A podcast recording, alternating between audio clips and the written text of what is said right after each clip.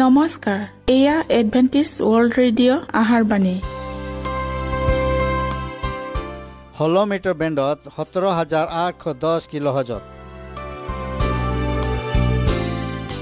Adventist world radio যোগে অসমীয়া ভাষাত প্ৰচাৰিত আহাৰবাণী প্ৰত্যেক বুধবাৰ আৰু দেওবাৰ সন্ধিয়া সাত বজাত আহাৰবাণী শুনাৰ পিছত আপোনালোকৰ কিবা মন্তব্য আৰু প্ৰশ্ন থাকিলে আমালৈ এই ঠিকনাত লিখক। আমাৰ ঠিকনাটি হৈছে Adventist World radio' seven day Adventist মণ্ডলী অসম শাখা লতাকাটা বশিষ্ট গুৱাহাটী সাত আঠ এক শূন্য দুই ন।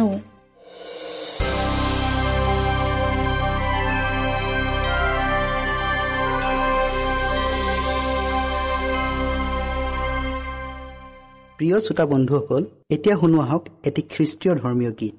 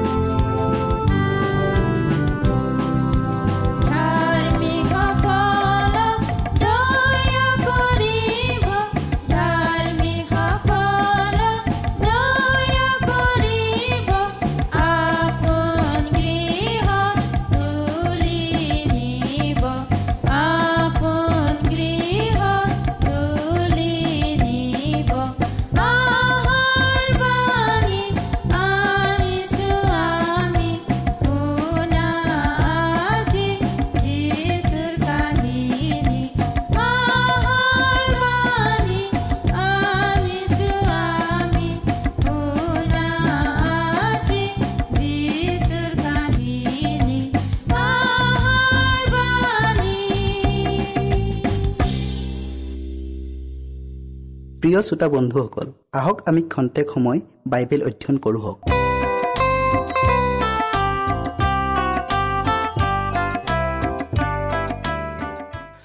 আজিৰ বিষয়টি হ'ল উৎপাতৰ সময়ত দুষ্টবিলাকৰ অৱস্থা।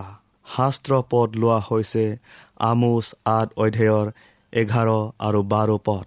প্ৰভু জীহুৱাই কৈছে চোৱা যিদিনা মই দেশত অন্ন কি পানীৰ আকাল নহয় কিন্তু জীহুৱাই বাক্য শুনাৰ আকাল ঘটাম সেইদিনা আহিছে।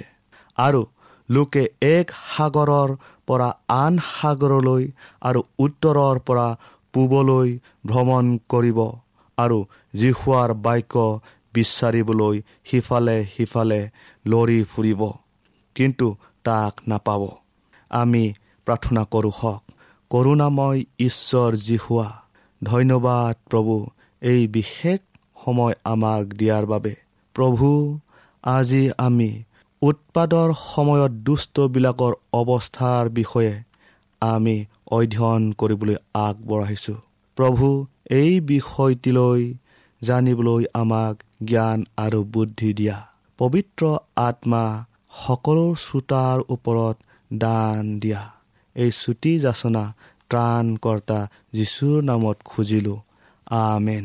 আৰু যেতিয়া কৰোণাৰ মধুৰ মাত অন্ত হ'ব তেতিয়া ভয় আৰু শংকাই দুষ্টবিলাকক আগচি ল'ব। স্পষ্টকৈ ভয়ংকৰ বাক্য তেওঁবিলাকে শুনিবলৈ পাব। পলম হ'ল বৰ পলম হৈ গ'ল বুলি। এজন পাপী হিচাপে কৃষ্ট ক্ৰুচৰ ওপৰত থাকোঁতে যি ধৰণৰ অনুভৱ হৈছিল যেতিয়া ঈশ্বৰৰ ক্ৰোধ দুষ্টসকলৰ ওপৰত পৰিব তেতিয়া সেই একে ধৰণৰ কষ্ট সিহঁতেও অনুভৱ কৰিব। সিহঁতৰ অপৰাধবোৰ পৰিপূৰ্ণ আত্মাক চাৰিওফালে নিৰাক্ষতাৰ কলা দুৰ্ঘোৰ অন্ধকাৰে আগুৰি ল'ব। আৰু তেতিয়া পাপৰ ভয়াৱহতাক সিহঁতে সম্পূৰ্ণভাৱে উপলব্ধি কৰিব পাৰিব। যিসকলে আগতে ঈশ্বৰৰ বাক্যৰ প্ৰতি গুৰুত্ব দিয়া নাছিল তেতিয়া প্ৰভুৰ বাক্য বিদাৰি এটা সাগৰৰ পৰা আন এটা সাগৰলৈ আৰু উত্তৰৰ পৰা দক্ষিণলৈ পূবৰ পৰা পশ্চিমলৈ লৰা ধপৰা কৰিব। কিন্তু স্বৰ্গদূতে কৈছে সিহঁতে ইয়াক বিচাৰি নাপাব। দেশত এক আকাল হ'ব সেয়া অন্ন বা পানীৰ আকাল নহয়। কিন্তু ঈশ্বৰ জিহুৱাৰ বাক্যৰহে আকাল হ'ব। ঈশ্বৰৰ পৰা অহা এটা বাক্য পাবলৈ সিহঁতে সিহঁতৰ সৰ্বোচ্চ দিবলৈকো সাজু থাকিব। কিন্তু হাই বহুত পলম হ'ল। উৎপাতৰ দ্বাৰা আক্ৰান্ত হৈ দুষ্টবিলাকৰ বহুতে খঙত অগ্নি শৰ্মা হৈ বলকিব। পিতৃ মাতৃয়ে সন্তানসকলক আৰু সেইদৰে সন্তানসকলে পিতৃ মাতৃক ভায়েকে ভনীয়েকক আৰু ভনীয়েকে বায়েকক নানা কুকথা আৰু অবাইচ মাতেৰে গালা গালি কৰিব। মানুহবিলাকে সিহঁতৰ পালক পৰিচালক সকলৰ পিনে চোচা লৈ ঘৃণা আৰু অৱজ্ঞাৰে অকৈত্য মাতেৰে তিৰস্কাৰ কৰিব আৰু দোষাৰোপ কৰি এইদৰে ক'ব তোমালোকে আমাক এই বিষয়ে কিয় নকলা? তোমালোকে আমাক এইদৰে কৈছিলা যে সমুদায় জগত পৰিৱৰ্তন হ'ব আৰু এই বিষয়ে আমি ভয় খোৱাত চিন্তা নকৰিবা। শান্তিত থাকা বিশ্বাস কৰি থাকিলে হ'ল বুলি কিয় মিছা আশা দিছিলা? এই সময়ৰ বিষয়ে তোমালোকে আমাক নকলা আৰু যিসকলে ইয়াৰ বিষয়ে আমাক কৈছিল সিহঁতক তোমালোকে ধৰ্ম বলীয়া আৰু দুষ্ট মানুহ বুলি কৈছিলা আৰু সিহঁতে আমাক নষ্ট কৰিব বুলি সিহঁতৰ পৰা আঁতৰত থাকিবলৈ কৈছিলা। সেই পালক পৰিচালক সকলো ঈশ্বৰৰ ক্ৰোধৰ পৰা নিষ্ঠাৰ পোৱা নাযাব। সিহঁতৰ দুখ কষ্ট সাধাৰণ মানুহবোৰতকৈ দহ গুণ অধিক হ'ব। ঈশ্বৰৰ সোধ বিচাৰ যেতিয়া আহিব সেই সময়ত কৰোণা দয়া একেবাৰে নাথাকিব। সেই সময়ত যিসকলে অতি ওখ স্থানৰ গোপন ঠাইত শান্তি আৰু নিৰাপদে থাকিব পাব তেতিয়া দুষ্টবিলাকে সিহঁতক দেখি কিমান হিংসা লাগিব। ঈশ্বৰৰ এনে নিৰাপদ আৰু শান্তিৰ স্থানত সেইবিলাক মানুহে থাকিবলৈ অধিকাৰ পাব যিবিলাকে তেওঁক ভাল পায় আৰু বাধ্যতাৰে তেওঁৰ দ আজ্ঞা পালন কৰে। জিৰিমিয়া ত্ৰিছ অধ্যায়ৰ সাত পদটো আমি আকৌ পঢ়ো। হাই হাই সেইদিন ইমান মহৎ যে তাৰ নিচিনা আৰু কোনো দিন নাই। এইয়ে জাকুবৰে সংকটৰ কাল। কিন্তু তেওঁ তাৰ পৰা ৰক্ষা পাব। ধৰ্মধামত যীশুখ্ৰীষ্টই নিজৰ কাৰ্য কৰি শেষ নকৰালৈকে চাৰিজন দূতে চাৰি বায়ুক ধৰি ৰাখিব। আৰু তাৰ পাছতহে সাতটা শেষ উৎপাত আহিব। এই উৎপাতৰ কাৰণে দুষ্ট লোকবিলাকে ধাৰ্মিকবিলাকৰ ওপৰত খং কৰিব। সিহঁতে ভাবিব যে এই ধাৰ্মিকবিলাকৰ কাৰণেহে ঈশ্বৰৰ বিচাৰ সিহঁতৰ ওপৰত পৰিছে। আৰু এই ধাৰ্মিকবিলাকক যদি পৃথিৱীৰ পৰা উচ্ছন্ন কৰিব পৰা যায় তেন্তে এই উৎপাত বন্ধ কৰিব পৰা যাব। সাধুসকলক হত্যা কৰিবলৈ এটা আদেশ জাৰি কৰা হ'ব যাৰ ফলত ইয়াৰ পৰা উদ্ধাৰ পাবলৈ সাধুসকলে দিনে ৰাতিয়ে ক্ৰদন কৰিব লাগিব। এই সময়খিনিকে জাকবৰ ক্লেশৰ সময় বুলি অভিহিত কৰা হৈছে। জাকুবৰ অহিতে ব্যৱস্থা ল'বলৈ এ চৌক ছয়তানে যেনেকৈ প্ৰৰোচিত কৰিছিল ঠিক তেনেকৈ মহাক্লেশৰ সময়ত ঈশ্বৰৰ লোকবিলাকক ধ্বংস কৰিবলৈ সি দুষ্ট লোকবিলাকক প্ৰৰোচিত কৰিব। আৰু যেনেকৈ সি জাকুবক অপবাদ দি দোষাৰোপ কৰিছিল তেনেকৈ ঈশ্বৰৰ লোকবিলাকৰ বিৰুদ্ধেও অনেক অপবাদ আনি দোষী সাব্যস্ত কৰিবলৈ অসুপুৰুষাৰ্থ কৰিব।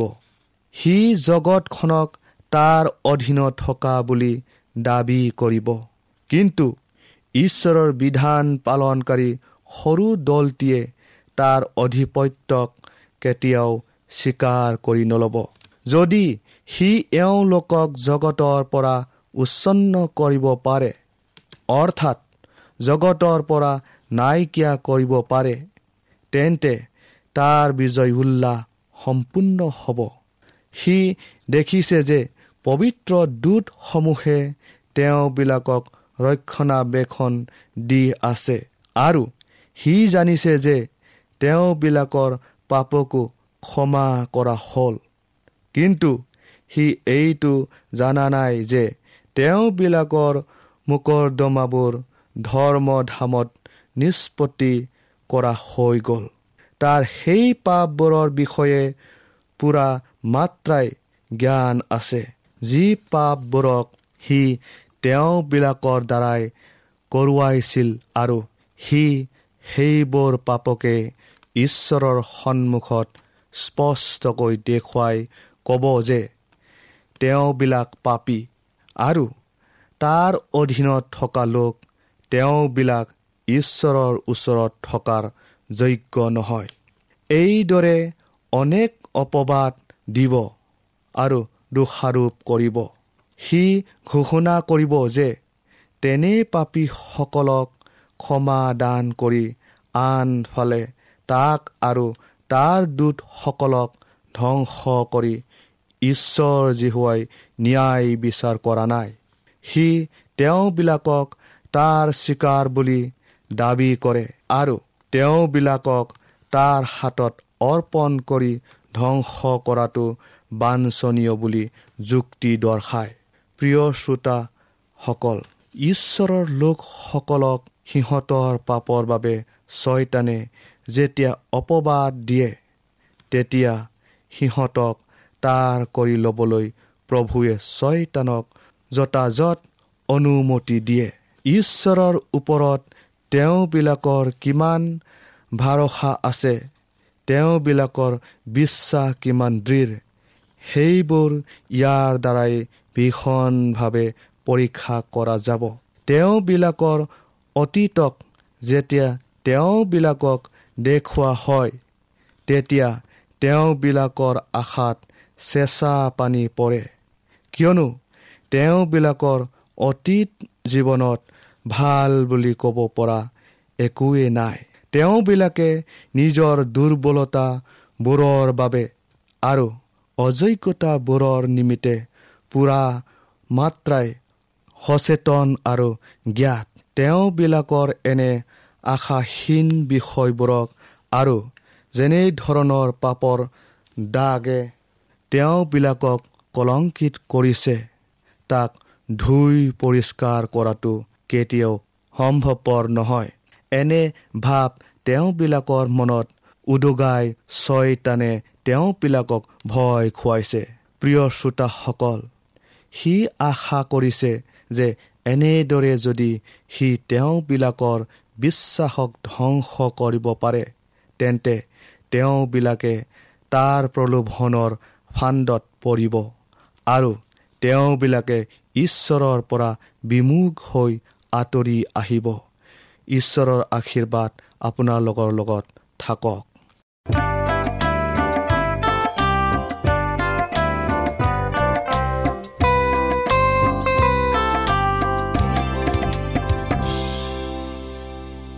ইমানপৰে আমি বাইবেল অধ্যয়ন কৰিলোঁ। এতিয়া আকৌ শুনো আহক এটি খ্ৰীষ্টীয় ধৰ্মীয় গীত।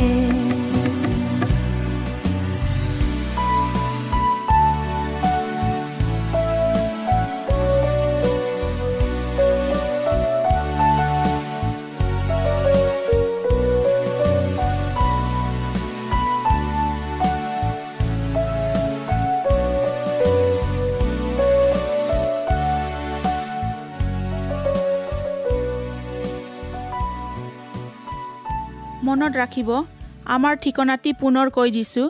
Adventist World Radio' Assam Region of Seven Day Adventist Voice of Hope Latakata Basistha Guwahati seven eight one zero' two nine প্ৰিয় শ্ৰোতা বন্ধুসকল এডভেণ্টিজ ৱৰ্ল্ড ৰেডিঅ' যোগে আহাৰবাণী প্ৰচাৰত আপোনালোকক পুনৰ লগ পোৱাৰ আহাৰে আজিলৈ সামৰিলোঁ। ধন্যবাদ।